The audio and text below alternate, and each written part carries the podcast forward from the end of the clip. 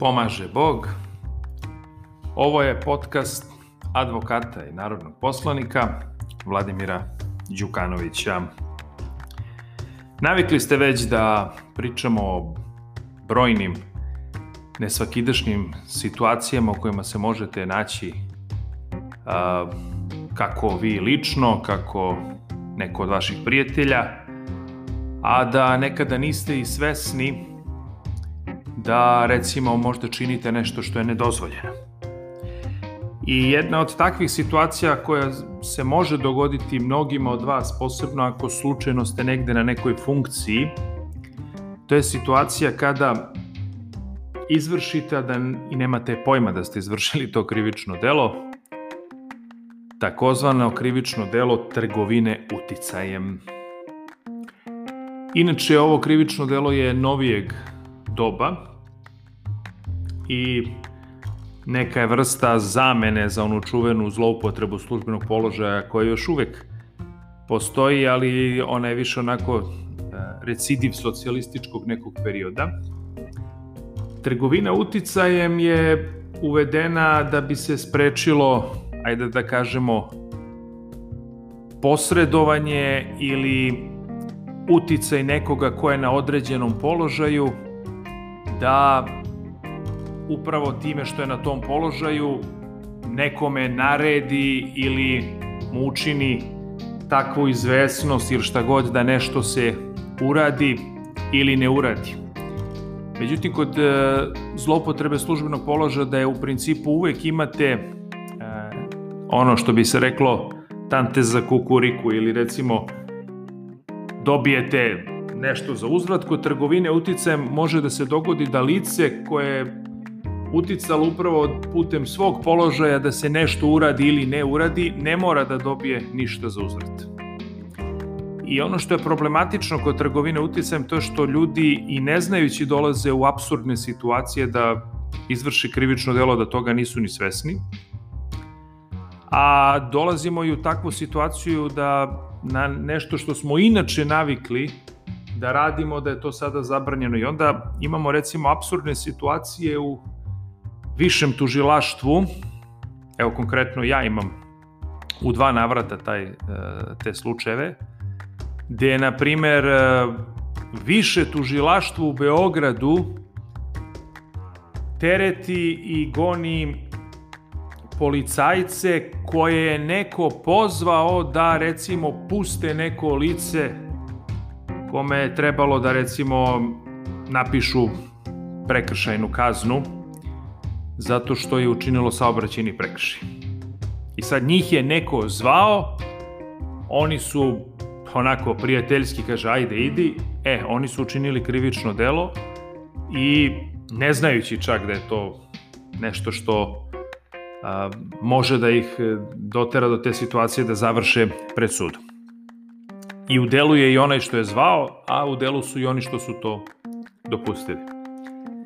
I sad, bilo bi sve to u redu kad bi se time bavilo recimo osnovno javno tužilaštvo u mestu, dakle su ti policajci, da sad ne govorim, to je jedna manja opština u Srbiji, međutim ne, time se bavi, verovali ili ne, više javno tužilaštvo u Beogradu i sudim se pred višim sudom u Beogradu, što je po meni inače šokantno s obzirom na, a, aj kažemo, neki nivo a, društvene opasnosti od takvog jednog dela. Imam jednu situaciju vezano za komunalnu policiju gde čovek odgovara zato što su ga kolege pozvale na službeni telefon da pitaju da li da kazni nekog pijačara. A, na jednoj pijaci u Beogradu, on je rekao ako možete usmeno ga opomenite, ako ne ne znam, pišite mu prijavu, ali zato što im je rekao usmeno ga opomenite, iako mora priznati da u zakonu o komunalnoj policiji vi nigde nemate kategoriju pisane prekršene kazne. Ali eto, samo zato a, te ljude čak UKP pohapsio, verovali ne, i sudim se, odnosno teret ih više javno tužilaštvo, a sudim se pred a, višim sudom u Beogradu. No kako god, ajde da probam malo da isto za krivično delo trgovine uticajem inače. Ajde da probamo malo da definišemo, odnosno kako je to član 366 e, krivičnog zakonika definisao tu trgovinu uticajem.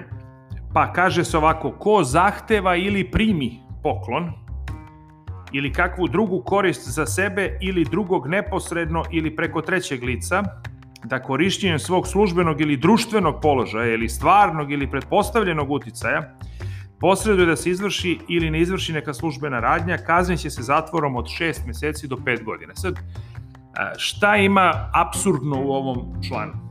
Slažem se da onaj ko je na službenom položaju ne bi smeo tako nešto da radi. Međutim, ovde prvo morate da dokazujete da je neko, na primer, zahtevao da se nešto uredi. To je jako teško dokazivo u praksi. Kako ćete vi da dokažete, osim ako neko direktno ne dođe kao svedok i kaže da, da, on je zaista zahtevao da se tako nešto uradi ili ne uradi. U praksi je to gotovo nedokazivo i ajde mogu da razumem kad je to u pitanju službeno lice, pa on sa nekog položaja i tako dalje to radi, ali kada imate da je to radio koristeći svoj društveni položaj, verovali ne, ili stvarni ili pretpostavljeni utice. Pa kako ćete vi sad da dokažete ko to ima recimo kakav društveni položaj i, i prosto je neverovatno da da ovaj e, tako nešto može da dođe u situaciju da se dokazuje, ali nažalost ili na sreću ili kako god hoćete krivični zakonik ovako nešto definiše i kažem vam, razumem kad je neko na nekoj političkoj, državnoj, kako god hoćete funkciji, pa nekako i da, i da može sa tog položaja da utiče na nekoga. Ali sa svog društvenog položaja ili stvarnog ili pretpostavljenog uticaja i to malo mi je to absurdno, tako da dosta je teško dokazivo ovo krivično delo. Međutim, imamo, ovo je samo prvi deo, odnosno prvi stav ovog uh, člana 366 trgovina uticajem. Drugi stav kaže ko drugom neposredno, sad pazite ovo, ili preko trećeg lica obeća, ponudi ili da poklon, ili kakvu drugu korist da korišćenjem svog službenog ili društvenog položaja ili stvarnog ili pretpostavljenog uticaja posreduje da se izvrši ili ne izvrši neka službena radnja, kazniće se zatvorom do 3 godine, verovali ne. Aj sad, što bi neko rekao, majčin sine, dokaži ti ovo. To je u praksi realni da budemo apsolutno nedokazivo. Apsolutno nedokazivo i naravno da tužioci imaju ogroman problem da a, ovo krivično delo ako im i dođe u tu u, u, u u praksi da se sa njim suoče, da ga, da ga svakako dokažu. Nažalost, ima ga, veoma često se ljudi terete za tu čuvenu trgovinu utice. Treći stav kaže ko koristeći svoj službeni ili društveni položaj. Ja ne mogu da razumem šta znači i sve vreme pokušavam da evo i, i vama u ovom podcastu da, da probam da dam na razmišljanje temu šta znači društveni položaj. Pa recimo akademik ima izvaredan društveni položaj profesor na univerzitetu ima fantastičan društveni položaj. Pa da li, mo, da li je moguće da ako profesor univerziteta sada pozove negde nekog i zamoli ga, ajde da to i to uradiš, da će profesor univerziteta zbog svog društvenog položaja zašto nekog pozva da odgovara. Znači, kaže se ko koristeći svoj ili društveni položaj ili stvarni ili pretpostavljeni uticaj, posreduje da se izvrši službena radnja, koja se ne bi smela izvršiti ili da se ne izvrši službena radnja koja bi morala da se izvrši, kazniće se zatvorom od jedne do 8 godina. Znači, nekom ovde preti ne mala robija, nego idete od jedne do 8 godina. Četvrti stav, kaže, ko drugom neposredno, ili sad pazite, preko trećeg lica obeća, ponudi ili da poklon ili kakvu drugu korist da koristeći svoj službeni ili društveni položaj ili stvarni ili pretpostavljeni uticaj posreduje da se izvrši službena radnja koja se ne bi smela izvršiti ili da se ne izvrši službena radnja koja bi morala da se izvrši, kazniće se zatvorom od 6 meseci do 5 godina. Ako je za posredovanje iz stava 3, to je ono gde možete od 1 do 8 godina da dobijete, zahtevan ili primljen poklon ili kakva druga korist, učinilac se kazniti zatvorom od 2 do 10 godina. Najčešće je političare, posebno je predsednike opština, gradonačelnike, lokalne funkcionere terete po članu 366 stav 5. jer oni su navodno koristeći taj svoj službeni položaj, pa samim tim i društveni, pretpostavljeni kakav god uticaj, uticali da se neka službena radnja izvrši ne izvrši, onda, a za to su recimo, kažu, primali neki poklon ili šta je znam, i onda njima najčešće tužilac stavi kao kvalifikaciju član 366 stav 5. Ali kažem, sve u svemu, a, naravno poklon i ta imovinska korist, ako su je negde istekli, oduzeće se, ali kažem, kod trgovine uticajem ne mora a, uslov da bude da ste primili poklon.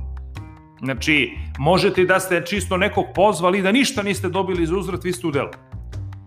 I mislim da je ovo uh, ovako definisano ovo krivično delo zrelo za promenu, odnosno za neku precizniju definiciju, jer ne možete nekoga da kažnjavate zato što ima društveni uticaj pa je nekog pozvao za nešto. To je potpuno sumano. To razumem da se kažnjavaju ljudi koji su na državnim funkcijama na takom položaju, pa ako on recimo nekog pritiska ili vrši uticaj na njega da izvrši ili ne izvrši nešto, a što bi morao ili ne, ili ne sme da izvrši i tako dalje, razumem prosto da se takav kažnjava, ali ako neko ima društveni uticaj, pa sumanu, to je skroz da tako lice kažnjavate. Znači, mora ovo da se mnogo preciznije definiše i mora tačno se zna šta se goni, a ovako kako je ovo e, napisano i kako je definisano krivičnim zakonikom, ja moram da priznam da je 90% Srbije realno bilo u ovom krivičnom delu ili je i sada možda u ovom delu, ali da i nemaju pojma da su u krivičnom delu. Tako da, eto, ovo je e, moj doprinos preko ovog podcasta da neko se zamisli i da proba da izvrši neke izmene i dopune krivičnog zakonika, bar što se tiče ovog krivičnog dela i da se ovo pomalo izmeni, odnosno precizira kako bismo mogli zaista da imamo a, jako dobro i precizno definisano krivično delo trgovine utice. Toliko od mene za danas. Svako dobro i čujemo se u nekom drugom podcastu.